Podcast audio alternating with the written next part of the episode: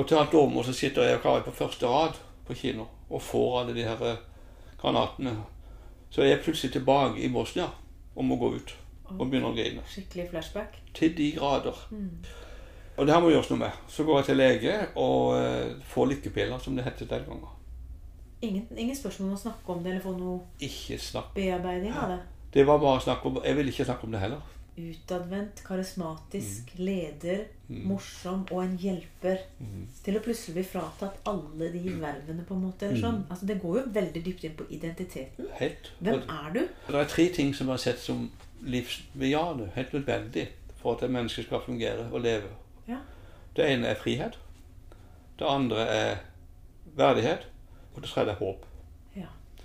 Tar du fra håpet fra mennesker, så dør de.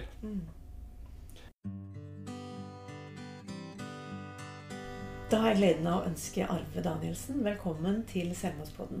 Takk. Arve, du er en kjent mann, skjønner jo jeg. Altså, Mm. Du tok kontakt med meg for en god stund siden og eh, ville ha en prat. Mm. Og jeg er jo ganske ny i Lillesand. Mm. Og i Agder sånn i hvert fall sånn politikk og sånn har ikke jeg peiling på. Men jeg skjønner jo etter hvert at Arve Danielsen han er en mann som det er veldig mange som kjenner til. Takk. Og ja, jeg tror du kan si takk, fordi at det er egentlig bare positive ting som blir sagt om det. Ja det, ja, det setter jeg pris på. Jeg har jo hatt litt forskjellige opplevelser av det, men jeg syns det er veldig hyggelig du sier det nå. Absolutt. Og det er jo en spesiell grunn til at du- kommer her i dag, i denne podkasten her. Fordi du har vært ganske åpen imot dine egne tanker i forhold til, eller opplevelser i forhold til å, å slite med et veldig mørke. Mm. Så det at du tør å være åpen om det, det ja, jeg har ikke noe hatt da, men jeg hadde gjerne tatt den av meg. At den åpenheten der, den tror jeg er med å redde liv. Arve. Takk. Ja, det har eh, vært veldig vanskelig å være såpass åpen på det, men jeg tror det jeg er overbevist om at du har rett. At det er en viktig dimensjon i det å fortelle om åssen en har det. Hva for noe det, hva for noe det er vanskelig. For de som da sjøl har det vanskelig, og alle har jo noe en eller annen en eller annen fase. Så er det med å oppnå, og de reaksjonene jeg har fått på eh, min åpenhet, har, har vært godt. Men kanskje du skal si litt to ord om deg sjøl først? Nei, det kan jeg. du har? Det, det kan jeg gjøre. Jeg er jo eh, 52 år. Nei, to- 72 år. Ja. 72 år. 20 år fra dette. til. Det er jo ikke ikke noe som vi merker. Og jeg er født og oppvokst i Lillesand. Har jo eh, familien her. Eh, og har jo et, en, en yrkeskarriere fra oljebransjen. Begynte i oljebransjen. Jeg kom hjem fra eh, sjøen i 75. Eh, kom først på Ekofisk og var der i eh, lang tid. Kom etter hvert mer og mer over i andre funksjoner, helt til jeg slutta i 2009. Etter at det var en avtale mellom Statoil og Hydro om at de som hadde en viss alder, kunne ta pensjon. Så jeg slutta i 2009 og har siden gått over som aktiv pensjonist med å se mot humanitært arbeid. Var det da du var i det her som du kaller krigen? Nå hopper jeg kanskje Nei, det var, det var seinere. Noe av det var det. Ja. Fordi at eh, det, I tillegg til yrket som eh, oljearbeider, så har jeg også hatt et stort engasjement internasjonalt for Kirkens Nødhjelp. Eh, de skulle ha folk i Sør-Sudan i 1980. Eh, og da dro jeg kona med tre barn til, til Sør-Sudan og var der i to år. Og fikk den tilnærmingen til Afrika og til bistanden og til humanitært arbeid. Etter 1980, så, eller i 83, så fikk vi en sønn. Fikk vi, en- sønnen vår fikk en hjernesvulst. Han var da tre år og ble operert for hjernesvulst og mye, har hatt veldig mye bivirkninger med det. Han lever i dag, men han har fått store skader pga. strålinger. Så han slutta å vokse da han var fem år og har hatt veksthormoner som har modellert kroppen hans. Pluss han har fått uh, veldig store hørselshemminger, så han har mye hørselshjelpbehov. så det var liksom, de starta med det, med å få verden midt i fleisen. Jeg glemte å si at når jeg var elleve år, så mista jeg broren min. I, han datt ned i et fly. Jeg begynner å grine her. Og eh, det gjorde nok veldig mye med en elleveåring.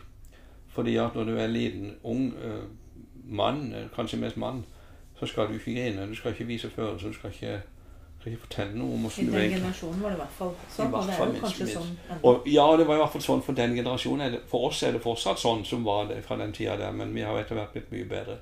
Var han mye eldre? Han var 23, jeg var 11, det er liksom mitt store forbilde. Oh. Så jeg tror nok det var med å sparke ned han der Arves eh, eh, opplevelse av utilstrekkelighet. Og det eneste, for, eneste jeg opplevde, var at folk bare smilte til meg. ikke sant? Det jo ikke noen som, ingen som brydde meg. Ingen, ingen som spurte hvordan jeg hadde det. Det Når du er elleve år og så går inn i det mørket, så Det husker jeg var veldig, veldig tøft. Og så tilbake til 80-tallet, da Harald ble syk, som han heter. Og eh, kortversjonen er at de da klarer seg sjøl, fått seg et eget rekkehus, har bil. Klarer å fungere rimelig bra med alle de bivirkningene som den, den eh, kreften har gitt han. Så eh, flytter vi oss fram på 80-tallet. Da blir etter hvert mer og mer prega av det å ha, en sønn som er syk. Mm. Du blir veldig trang i, i aksepten for ens egen behov for å komme ut. Altså du blir så Verden, verden, Ja, verden, akkurat. Verden dreier seg om han. Uh, Og det var helt nødvendig, spesielt fordi at kona fikk det selvfølgelig veldig tøft. så skulle være hjemme. Jeg var jo i Nordsjøen, så jeg hadde ukepenning. To uker på, tre uker av. Eller fire uker av. Uh, Så det var liksom som noe som lå der som et bakteppe for mitt liv. Hvordan jeg kunne, kunne klare å få hverdagen til å fungere. I Nordsjøen så var jeg jo etter hvert leder. Ble etter hvert da plattformsjef. Og hadde mye krevende oppgaver knytta til det. Mm. Eh, Klarte du å koble av da, når du var der ute? Ja. Da var du på en måte Ja, nei, ja. jobbmodus? Det Eller? var, nok, det var nok mest det første, for det at du, du, du flytta deg inn i en helt annen boble. Ja. Så eh, dro vi til Afrika igjen i 1990 og var ute for Da var vi ute for Flyktninghjelp, eller Flyktningrådet den gangen, Flyktninghjelp som er det nå, og dro til Malawi. Da jobba jeg som ansvarlig for flyktninger i den delen av Afrika. Det var ganske krevende, for da ble vi faktisk eh, trodd at vi var spioner. Så vi fikk en veldig vanskelig Det er en egen historie. Men iallfall, vi ble sendt ut av landet. Mm. Etter to år så fikk vi eh, beskjed om at vi var uønska i landet og ble sendt ut med 24 timers varsel. Og kom hjem, og da måtte jeg tilbake igjen i oljebransjen og kom da inn i politikken. Så i to, hvilket år er vi nå? vi er i 91-92. Ja. Så da ble jeg valgt inn som eh, varaordfører i Lillesand kommune.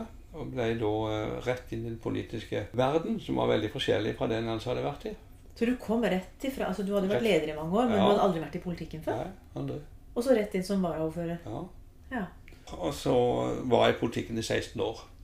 Så ble jeg ordfører, varaordfører igjen med Arne i 2004. 2003. Så det er liksom de to varaordførerposisjonene jeg hadde. Så var jeg da fire år på fylket, som i fylkes, fylkeskommunen. Så de 16 årene var jo en aktiv sak. Men iallfall i 94 eh, så ble jeg oppringt av Kirkens Nødhjelp om vi ville dra til Bosnia. For Da var det starta krig i Bosnia. Når jeg nå ser på TV på Ukraina, selv som jeg har vært tilbake i Bosnia. Samme ødelagte hus, samme djevelskap, samme mennesker som dør. Eh, og jeg husker en gang, det, det var helt surrealistisk. Da, eh, da traff de nabohuset, husker jeg, eller slik under der jeg, der jeg lå og sov. Og jeg husker jeg hørte skrik, og så tenkte jeg faren kan ikke tilstille seg for å sove. Altså Det var på det nivået der. Mm. Så kom jeg hjem. Uh, er veldig uh, sliten, men går til- tilbake til jobben som plattformsjef i Nordsjøen. Uh, Varaordfører i Lillesand kommune, som jeg da etter hvert begynte å fase ut, riktignok. Og da begynner verden å krympe i forhold til det at jeg har et ansvar, jeg har oppgaver som jeg føler jeg må ta på alvor, og går til en psykolog.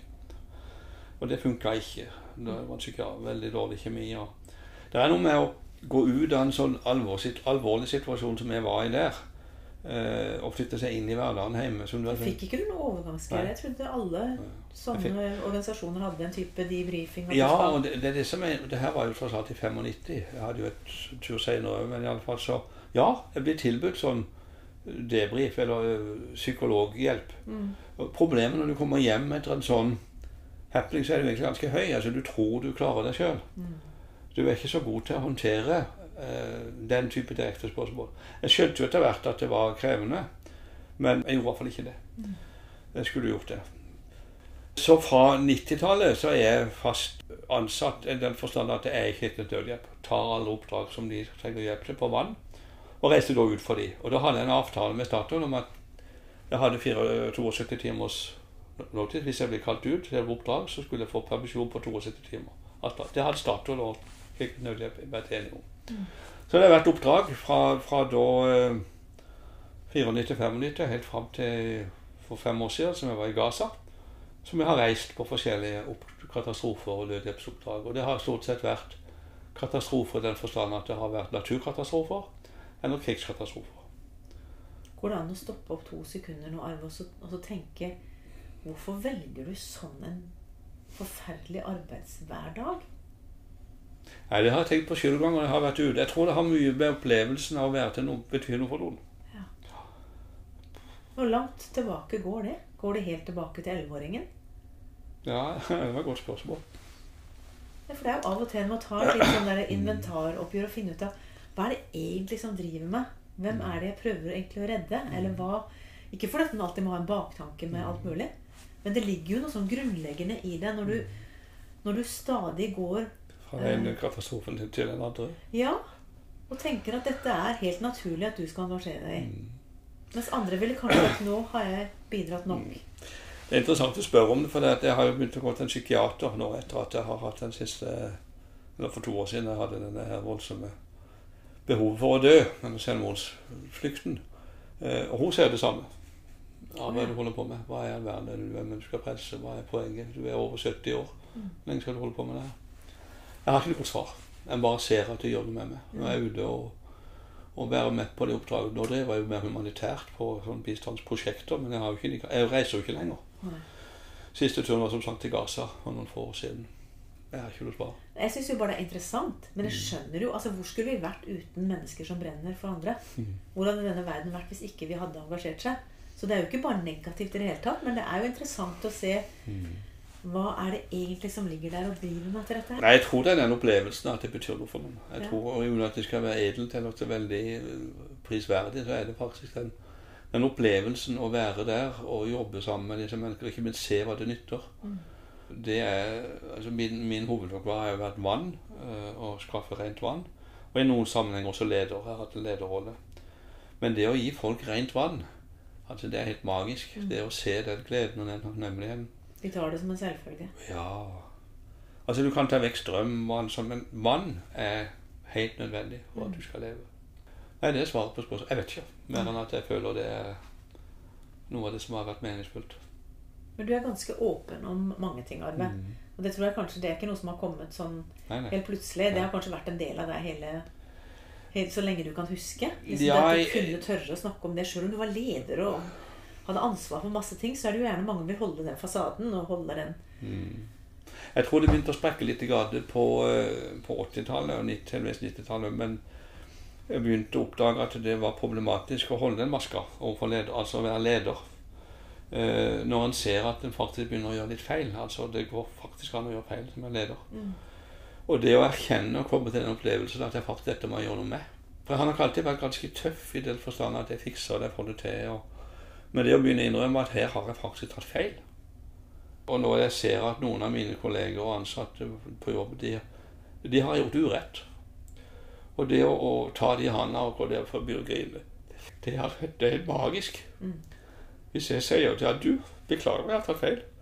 Så du, du snur hele stemningen, hele holdningen til den som du, den som du er uenig i. Men mister ikke respekten for det, da. Ikke i det hele tatt. Nei. Ikke det hele tatt. Er Jeg det føler, motsatt? ja, jeg føler det er motsatt. Ja. Det er, det er noen ganger episoder som vi ikke skal fortelle om nå, men som jeg måtte eh, ta den erkjennelsen at her har jeg fått tatt feil. Altså. Når jeg kom, til, fra, kom fra Bosnia i eh, Jeg kom hjem som sagt i 95, på våren 95. 96-97, tror jeg det var, så gikk kona med på kino og så en film som heter Forest Gump. Den har noe sikkert mange har sett. Der er det eh, en episode, eller en liten sekvens som hovedpersonen er, er i Vietnam. Og til alt overmål så sitter jeg og Kari på første rad på kino og får alle de her eh, granatene. Så er jeg plutselig tilbake i Bosnia og må gå ut og begynne å grine. Skikkelig flashback. Til de grader. Og det her må gjøres noe med. Så går jeg til lege og eh, får lykkepiller, som det het den gangen. Ingen, ingen spørsmål om å snakke om det eller få noe bearbeiding av det. Det var bare snakk om Jeg ville ikke snakke om det heller. Det var en sånn ikke-sak. Så jeg fikk lykkepiller. Jobba for fullt. Spiste på piller. Følte det gikk så tålelig bra. Tørte ikke snakke om det. Kommer på jeg husker jeg på møte i fylkeskommunen med innen 96 da. Og Var det 93 Forest Gump? Var det du eh, Nei, det var 96. 96, så da går det et år. Ja. Å ja, ja. Da spiser jeg på lykkepiller et par år. Øh, jobber intenst i oljebransjen. Er er i politikken. Tør ikke si det til et menneske at jeg har psykiske problemer. Fortell noe om de, eh, om de granatene. Det jeg kan tenke på, som jeg vil nevne, det er jo altså nyttårsaften. Tenk en nyttårsaften i Norge. Da er, du, da er du tilbake i krigen. Når jeg spør en syrer åssen han syns nyttårsaften er, så kan du tenke deg svaret. Det som er karakteristisk på nyttårsaften på raketter, det har en såkalt den plystrelyden rett før han treffer. Ikke. Det, Er det verst? det er verst. For da da da er granaten, da er raketten så nærme at den treffer. Han må slå ned et sted. Anyway, jeg tørte ikke å si noe. Fra 19, slutten av 90-tallet oppover så var jeg taus. Jeg sa veldig lite.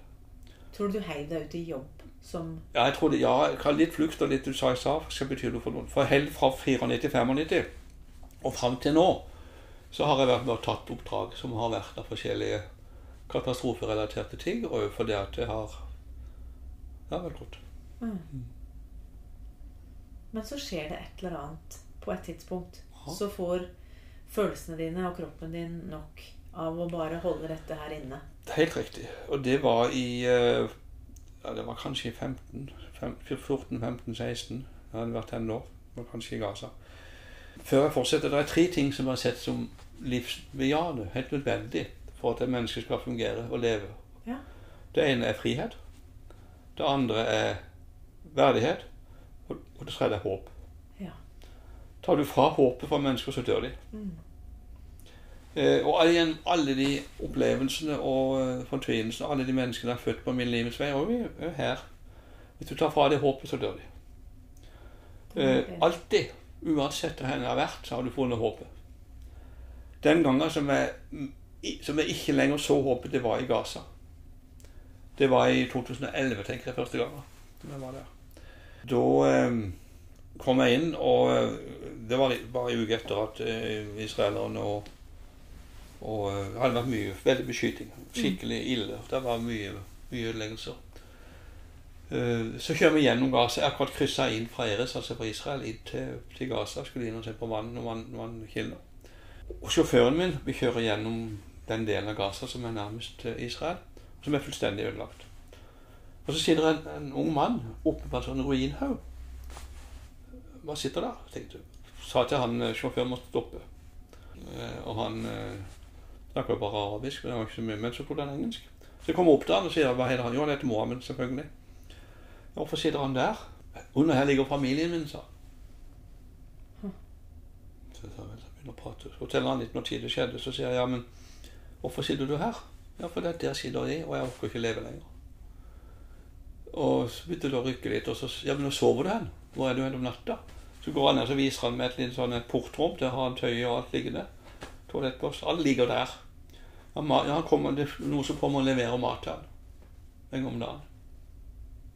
Så sier jeg, har du mista håpet? Ja, fullstendig. Så, så, ja, så skulle jeg ikke si noe mer. Da kjørte jeg hjem, og så var jeg på hotell, så ringte jeg en veldig god venn. Fortalte det, fortalte det, fortalte det. Ja, så begynte jeg å grine. Mm. Uh, og han sa det samme som jeg sier. Håpet er grunnleggende. Mister du håpet, så dør du. I 2014-15 så var jeg ute på en oppdragsuke hvor jeg var. Men da begynte det å toppe seg. Da begynte følelsen at jeg fikser ikke lenger. Så da begynte jeg å gå opp eh, og fortelle det. Gikk jeg til en fastlege og begynte å fortelle det, og fikk etter hvert medisiner. Og det hjalp meg noe. Det var sånn angstdempende. Men det var, det var liksom ikke angst, det var så sammensatt. For det var jo mye krigen som dukka opp igjen, og de vonde tingene der. Nyttårsaften var jo alltid et helvete, men det ble jo etter hvert bedre. Men i 2017 så begynte det å toppe seg veldig. Hadde veldig mye vondt, fikk mye medisiner, og så ble det verre og verre. Men jeg var jo, gjorde jo med disse prosjektene mine i Afrika. Og i 2018 så, eh, så var det skikkelig ille. Da sa han det at du, eh, du må ha hjelp. Du må, du, jeg kan se om vi kan få skrevet det til Modum. Så jeg er inne på utredning på Modum i 2019 i hele en måned. Det var ett år etterpå. Eh, Og der ble jeg tatt fra alle medisiner og er der eh, til utredning i 14 dager. Midt oppi det, etter jeg kom hjem, så mister jeg nevø i selvmord. Oi. Det var i august 2019. Samtidig med at min sønn. Var det. Mm. Tenkte på det. Så eh, kom jeg på Modum. Jeg er der først til utredning i 14 dager. Og eh, får da diagnosen bipolar. Nei, ikke bipolar, men posttraumatisk stress. På Modum traff jeg jo en del som hadde noe av den samme diagnosen. Og de hadde jo vært i Libanon under krigen. Mm. Og det merka jeg var godt. Det var godt å snakke med de. Det gjorde meg vel å snakke med mennesker som har hatt det vanskelig. Det, det gjør meg godt. Det er likepersonsarbeid, egentlig. Ja, men det er jo det. Det er jo det Mm. matcher. Så jeg kom hjem og ble da skrevet inn igjen på Modum i tre måneder. Og var der i tre måneder fra november 19 til februar 2020. Og ble hjulpen fra å ha et svart hull som var ødeleggende, til å mer og mer føle at dette, dette er bedre. Nå har jeg det bedre. Kom hjem som sagt i februar 2020. Men så i løpet av sommeren så ble det verre. Da ble det mer og mer svart. Og, og da var det den der fortvilelsen over du har vært på det beste stedet i Norge. Du har, eh, du har rett og slett eh, fått den hjelpa Norge kan tilby deg. Mm. Hva mer kan du gjøre? Nei. Så da, da husker jeg den så bruker igjen. Det går fint. Vi får litt tårer her. Har vi besøk av en, eh, en venn som er psykiater. Vi var sammen i Afrika. Hun, eh, hun sa til meg at jeg lurer på om du er bipolar 2. Om du vet at du har en tilleggsdiagnose. Mm. Ja, det var interessant. Og så, så sier hun at det er noen medisiner som virker på det.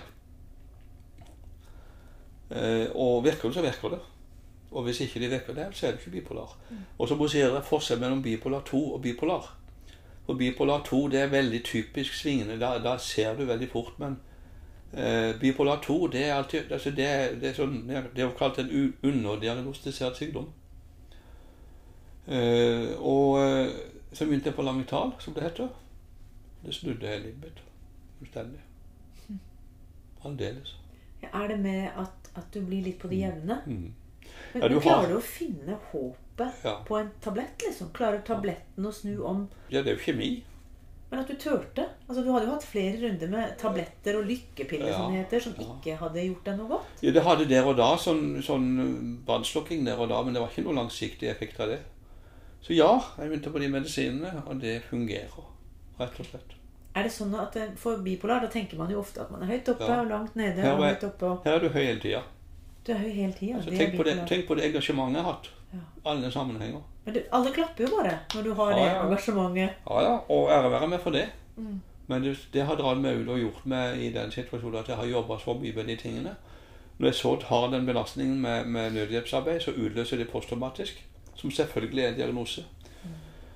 Så du Eh, kunne tegne en sirkel her du på hvordan livet ditt egentlig har Ja. vært. så eh, ja. Men du er jo godt voksen mann, så har du Ja. klart å leve med dette her og det må- vært. håndtert det på et eller annet vis. Den aktiviteten er jo ingen bombe. Det er mange som er aktive. Jeg kan jo nevne flere som er det. Men Ikke se på meg. Ja, det var det jeg gjorde. Eh, men, men eh, det er den der eh, Den tilleggsdiagnosen som går på altså det jeg kaller bipolar 2, som er så veldig konkret i og med at du har den høye aktiviteten, men det faktisk er mulig å gjøre noe med, Mm. det har vært redningen for meg, rett og slett. Pluss det å kunne snakke om det. For det som skjedde, det var jo det her var nemlig framme på 2020. Og utover høsten da, så, så ble jeg bedre, rett og slett. Altså. Og så tenkte jeg det her har jeg lyst til å Jeg har opplevd så mye, og jeg ser hva det hjelper for meg. Eh, da snakka jeg mye med henne jeg fortalte om. Eh, hun henviste meg til en, en psykiater som er fra Serbia. Som jeg har snakket mye med de siste to årene. Men poenget mitt er at begge to har, har fått meg til å snakke og åpne meg opp om det som er til de. Men så kommer jeg ut i november-desember i 2020 og tenkte det her har jeg lyst til å fortelle. Det her er noe jeg har lyst til å dele, for jeg har lyst til å fortelle hva jeg har vært igjennom. Mm. Hvis det kan være noe for noen. Men da hadde jeg tenkt å gjøre det som et leserinnlegg. Mm. Så jeg skrev et leserinnlegg som jeg tenkte å ha inn i en avis på Sørlandet, kanskje Fedrelandsvenn. Eh, Og sendte det til Heidi Løland Andersen. Så om hun kunne vaske dokumentet, så hun kunne rett og slett lese gjennom det. Om det var noe som holdt vann, om på hvilken måte kunne dette bli et, et godt, godt eh, produkt. Så skriver hun tilbake og sier Arve, kan jeg lage en artikkel på det? Kan jeg få lov å skrive din historie? Mm. Fordi at hun var jo da blitt eh, Hun er jo da frilans. Mm. Og eh, gjorde det. Og den kom nå på trykk på julaften i 2020. Oi. Og den ble da solgt til Agderposten, som hun Det er jo Ledelserposten og Agderposten er jo samme avis. Mm. Så det ble levert inn der og kom på julaften i 2020, og eh, påfølgende avis. Og det har gitt veldig mye feedback. Eh, veldig mye positivt, i den grad noen sier jo noe i det hele tatt. Eh, og det er tre ting som har vært viktig for meg der. Det er for det første de som har mistet noen i selvmord. Mm. Og få poengtert at de og sitter sammen med du som har gjort det. Og det forteller at det er ikke din skyld. Det er aldri Jeg har jeg husker jeg snakket om, snakket om det på Modum år. Mm. Du har aldri, jeg har aldri husket noen har lyst til å straffe noen. Du, du må bare vekk. Mm. Du er, du er i en boble som er så vond at det er bare til belastning. Tar du den? Mm. Jeg tar den. Og det var viktig å få fram. At det er du som leser av. Reserve, det er, det er en av de viktigste tingene får sagt. Det, var det ene. Og det andre er å fortelle at fortell, Del det du har vanskelig. Fortell det til noen. Det, det har du gjort, og det har jeg gjort, og det ser jeg hva det betyr. Så, så del dine livserfaringer i den grad du kan og føler at det passer. Og det er den andre biten. Det, det tredje det er å lytte. I det øyeblikket du snakker til noen og bryr seg, så får du veldig ofte en reaksjon. Åssen de opplever det. Mm. Og den reaksjonen du får, den må du ta hensyn til. Du må stoppe opp, du må, må gi dem tid. Men lytte, det er for meg vært utrolig viktig. Mm. Og da er det mennesker som har opplevd noe. Nå har jeg forskjellige ting de kan snakke om. Mm. Men det å ha lyst til å ta livet sitt, fortelle om sorgen sin, fortelle om fortvilelsen sin, det er utrolig viktig. At du må ta tid til å lytte. Og da må Veldig du bra sagt, Arve. Ja. Det er de tre tingene. Kan jeg spørre litt tilbake igjen til, til litt sånn der hvor du sto og ikke hadde lyst til å leve lenger. Mm. Altså, Hva var det på en måte det viktigste som hjalp deg videre? Akkurat der og da. Var det møtet med denne psykiateren? Nei, det var frykten for at ungene altså, Jeg, jeg syns det hadde vært så ille for min familie. Ja. Det var nok mye som holdt meg igjen. Men da er det jo liksom at du skal holde ut litt til. Ja. Men hva er For du hadde med allerede da mista håpet ja jeg hadde, altså, bedre? alt, Liksom. alt, ja, alt var svart, for da, da hadde jeg jo prøvd. Jeg hadde prøvd, jeg hadde prøvd lykkepille. Jeg hadde jo vært på Modum. Jeg hadde vært igjennom alt. Eh, nei, frykten var nok for at eh, mine, det skulle Det jeg ville føle var vanskelig, det var mine barn og min kone og min familie. Mm. Så så mange mennesker som hadde det så vondt som følger. Mm. Og, og jeg tror nok det var noe som holdt meg igjen. Det var nok mer eller mindre den opplevelsen av Torianne er der. Altså hun sitter og har hørt hva jeg har vært igjennom og visste om Modum. Men så jo konturene at her var det noe mer galt. Du vet, du blir veldig lukka, vet du. Du skal ikke snakke om det. og Jeg gikk til fastlegen og jeg fikk jo disse pillene, men liksom Jeg har ikke noe godt svar mer enn at jeg hadde, hadde ikke lyst til å leve, jeg hadde lyst til å dø. Mm. De opplevelsene på, på Modum ble satt og skulle beskrive livet, var svart hull. Mm. Ingen opplevelse av noe å glede seg over. Men det er mange som snakker om at de som tar livet sitt, eller de som tar selvmord, da, at de ønsker å dø. Men er det for din del var det mest å komme vekk? Mm. Eller var det For meg var det å komme vekk. For meg var det, jeg følte bare at jeg var en belastning. Jeg var til bry, og øh, jeg var gift med en kone som var gift med hadde en syk mann. øh, For barn som hadde en syk pappa. Altså det, var, det, det er ganske rart når du er i den der, der fortvila situasjonen av dette ønsker du ikke lenger. Hva som blir så reelt for deg. Mm. Hva som blir så, så virkelig. Eh, Og du er gjennom alt. Hvordan skal du gjøre det? På hvilken måte skal du gjøre det? Og du er gjennom hele spekteret. Ja, for Vi hører jo om en del som enten forteller historien fra seg sjøl, Mm. eller som uh, hører historien fra de som um, som de har mista. Mm. Og det der med å ha vært en utadvendt, karismatisk leder, Mm. morsom og en hjelper Mm. til å plutselig bli fratatt alle de vervene, på en måte. eller sånn. Altså, Det går jo veldig dypt inn på identiteten. Helt. Hvem er du? Hva slags verdi har du da når du er det du kaller for en belastning? Men samtidig hadde en, en annen menneske kommet til deg og fortalt om dette. Hadde du tenkt at de var en belastning for deg? Nei. Men jeg hadde skjønt kanskje litt mer av tanken. Ja. I og med at jeg var der sjøl. Mm. Men jeg hadde ikke kunnet eh, Altså, jeg har jo den posisjonen jeg har, Jeg er jo anerkjent og respektert. Jeg ikke, føler ikke at jeg har gjort noe galt mot noen. Det har jeg sikkert gjort, men jeg mener det Jeg har jo hatt en situasjon veldig mange kjenner meg, Mm. som jeg syns bare har vært bra. Og når da noen kommer til meg og sier Arve, jeg, skjønner åssen jeg har det, men jeg har det så vanskelig sjøl, så kan jeg i mye større grad skjønne det. Det var en som kom og hentet meg her i fjor, faktisk under Lillesåsdagene. Du, Arve, kan jeg prate litt med deg? Ja, jeg vet ikke hvem han, men ikke noe mer. Gjør, for nå skal du høre det. Jeg leste den artikkelen din for halvannet år siden. Sånn har jeg det òg, sa han. Ikke sant? Der på gata. Rett på gata. Ja, Det han sa jeg har, jeg har opplevd noe av det samme. Kan vi prate? Mm. Så blir vi enige om og Han sitter og snakker som en foss. Mm. Så spør jeg Hvem har du å snakke med om det her? spurte jeg. Sa jeg, jeg har katten. Det er ganske fortvila. Så han treffer jeg fra tid til annen. Men, men igjen den der eh, Hva gjorde jeg med å ha det vanskelig? Ja, nå har du hørt at jeg valgte å skrive, jeg valgte å være åpen, jeg valgte å fortelle. Som er en, faktisk en ventil. Det har vært i sånn kirkelig sammenheng to ganger. Folk har spurt meg Mm. om det. Og, og, og det gjør jeg jo. Jeg griner og snakker om det. Men det er så ekte og viktig. Mm. Og tårene gjør bare at det er enda mer troverdiggjort. Altså, det, er jo, det, er jo, det er jo liv og død vi snakker om her. Ja, faktisk er det det. Så det er jo nesten rart hvis vi kan sitte og snakke om det som om det var eh, Ja, vi snakker om værmeldinga, liksom. Nei, ja. Det er ikke der vi er. Men jeg klarer ikke helt å holde den. Jeg må av og til Jeg merker jeg sprekker litt og er ikke like lett. Mm. Men det jeg lurer på enda mer, er jo Når var det du kjente første gnisten av et håp igjen? Kan du huske det? Det er todelt. Først på, eh, på Modum. Etter det, Da kjente jeg at nå, nå er jeg fit for fight. Nå kan jeg gå tilbake igjen i livet. Eh, Og nå på sommeren 2020, når jeg fikk det tilbakefallet Det var hva som ga meg håp igjen. Jeg tror det var eh, Nei, det er jeg litt usikker på. For jeg fikk, jeg ble pådytta. Eh, når hun spør meg Ja, ja. Og teste de nye medisinene? Ja, Ja. egentlig. Eh, og det gikk jo ikke mer enn kanskje en måned og halvannen, så begynte jeg å kjenne at dette var bedre. Mm. Begynte å gjøre ting som jeg syntes hadde vært bra.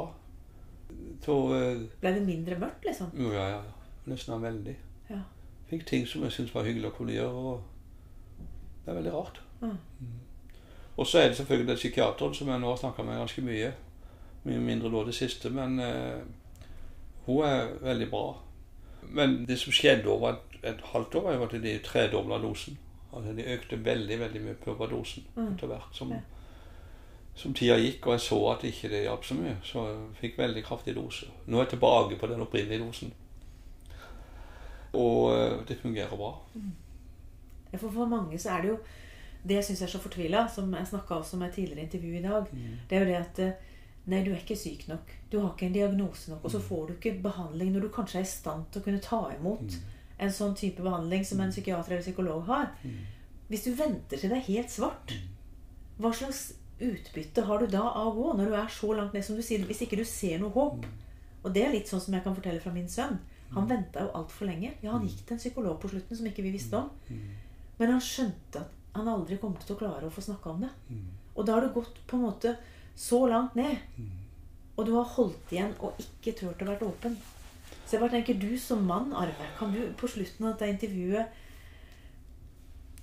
Klarer du å, ta en fyrstikk og så lage et, eh, et lys for noen som har det så mørkt? Og bare tenke, altså Det er jo ikke tablettene alltid som kan løse det for noen. For noen er det en, en helt reell sak som de må temme.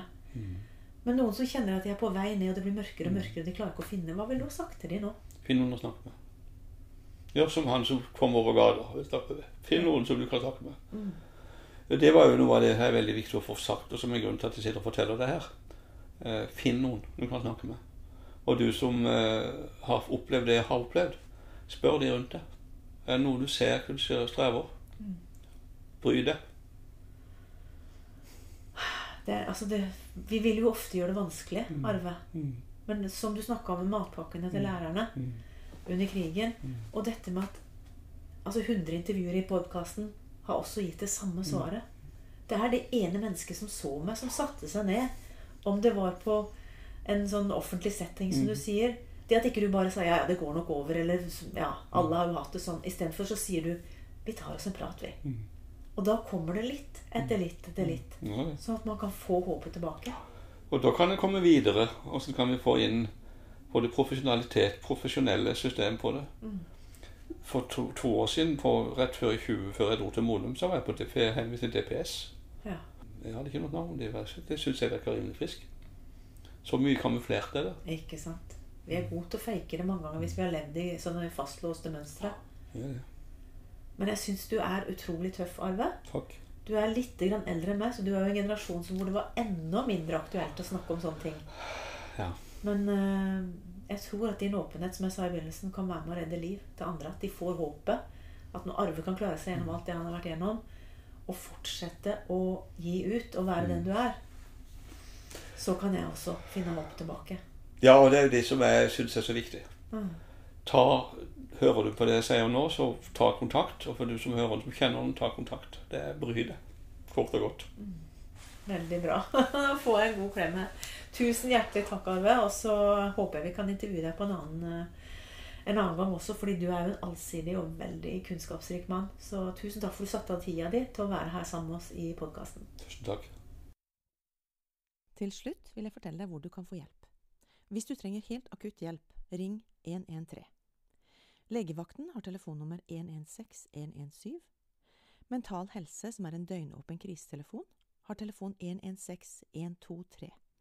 Ellers kan du ringe Kirkens SOS, som også er en døgnåpen krisetelefon, på 22 40 00 40. Leve er Landsforeningen for etterlatte ved selvmord. De arbeider for at alle som er berørt av selvmord, skal få den hjelpen de trenger. Kors på halsen er Røde Kors sitt lavterskel samtaletilbud for barn og unge under 18. De er oppe fra mandag til fredag. Snakk om psyken er Blå Kors sitt chattetilbud for barn og ungdom fra søndag til fredag. Ellers har stiftelsen Lillebrors minne omsorg for etterlatte, og der kan du få både samtaler avtalt, og du kan få være med på noen av de flotte arrangementene som de tilbyr. Da håper vi at du også blir med oss i neste episode.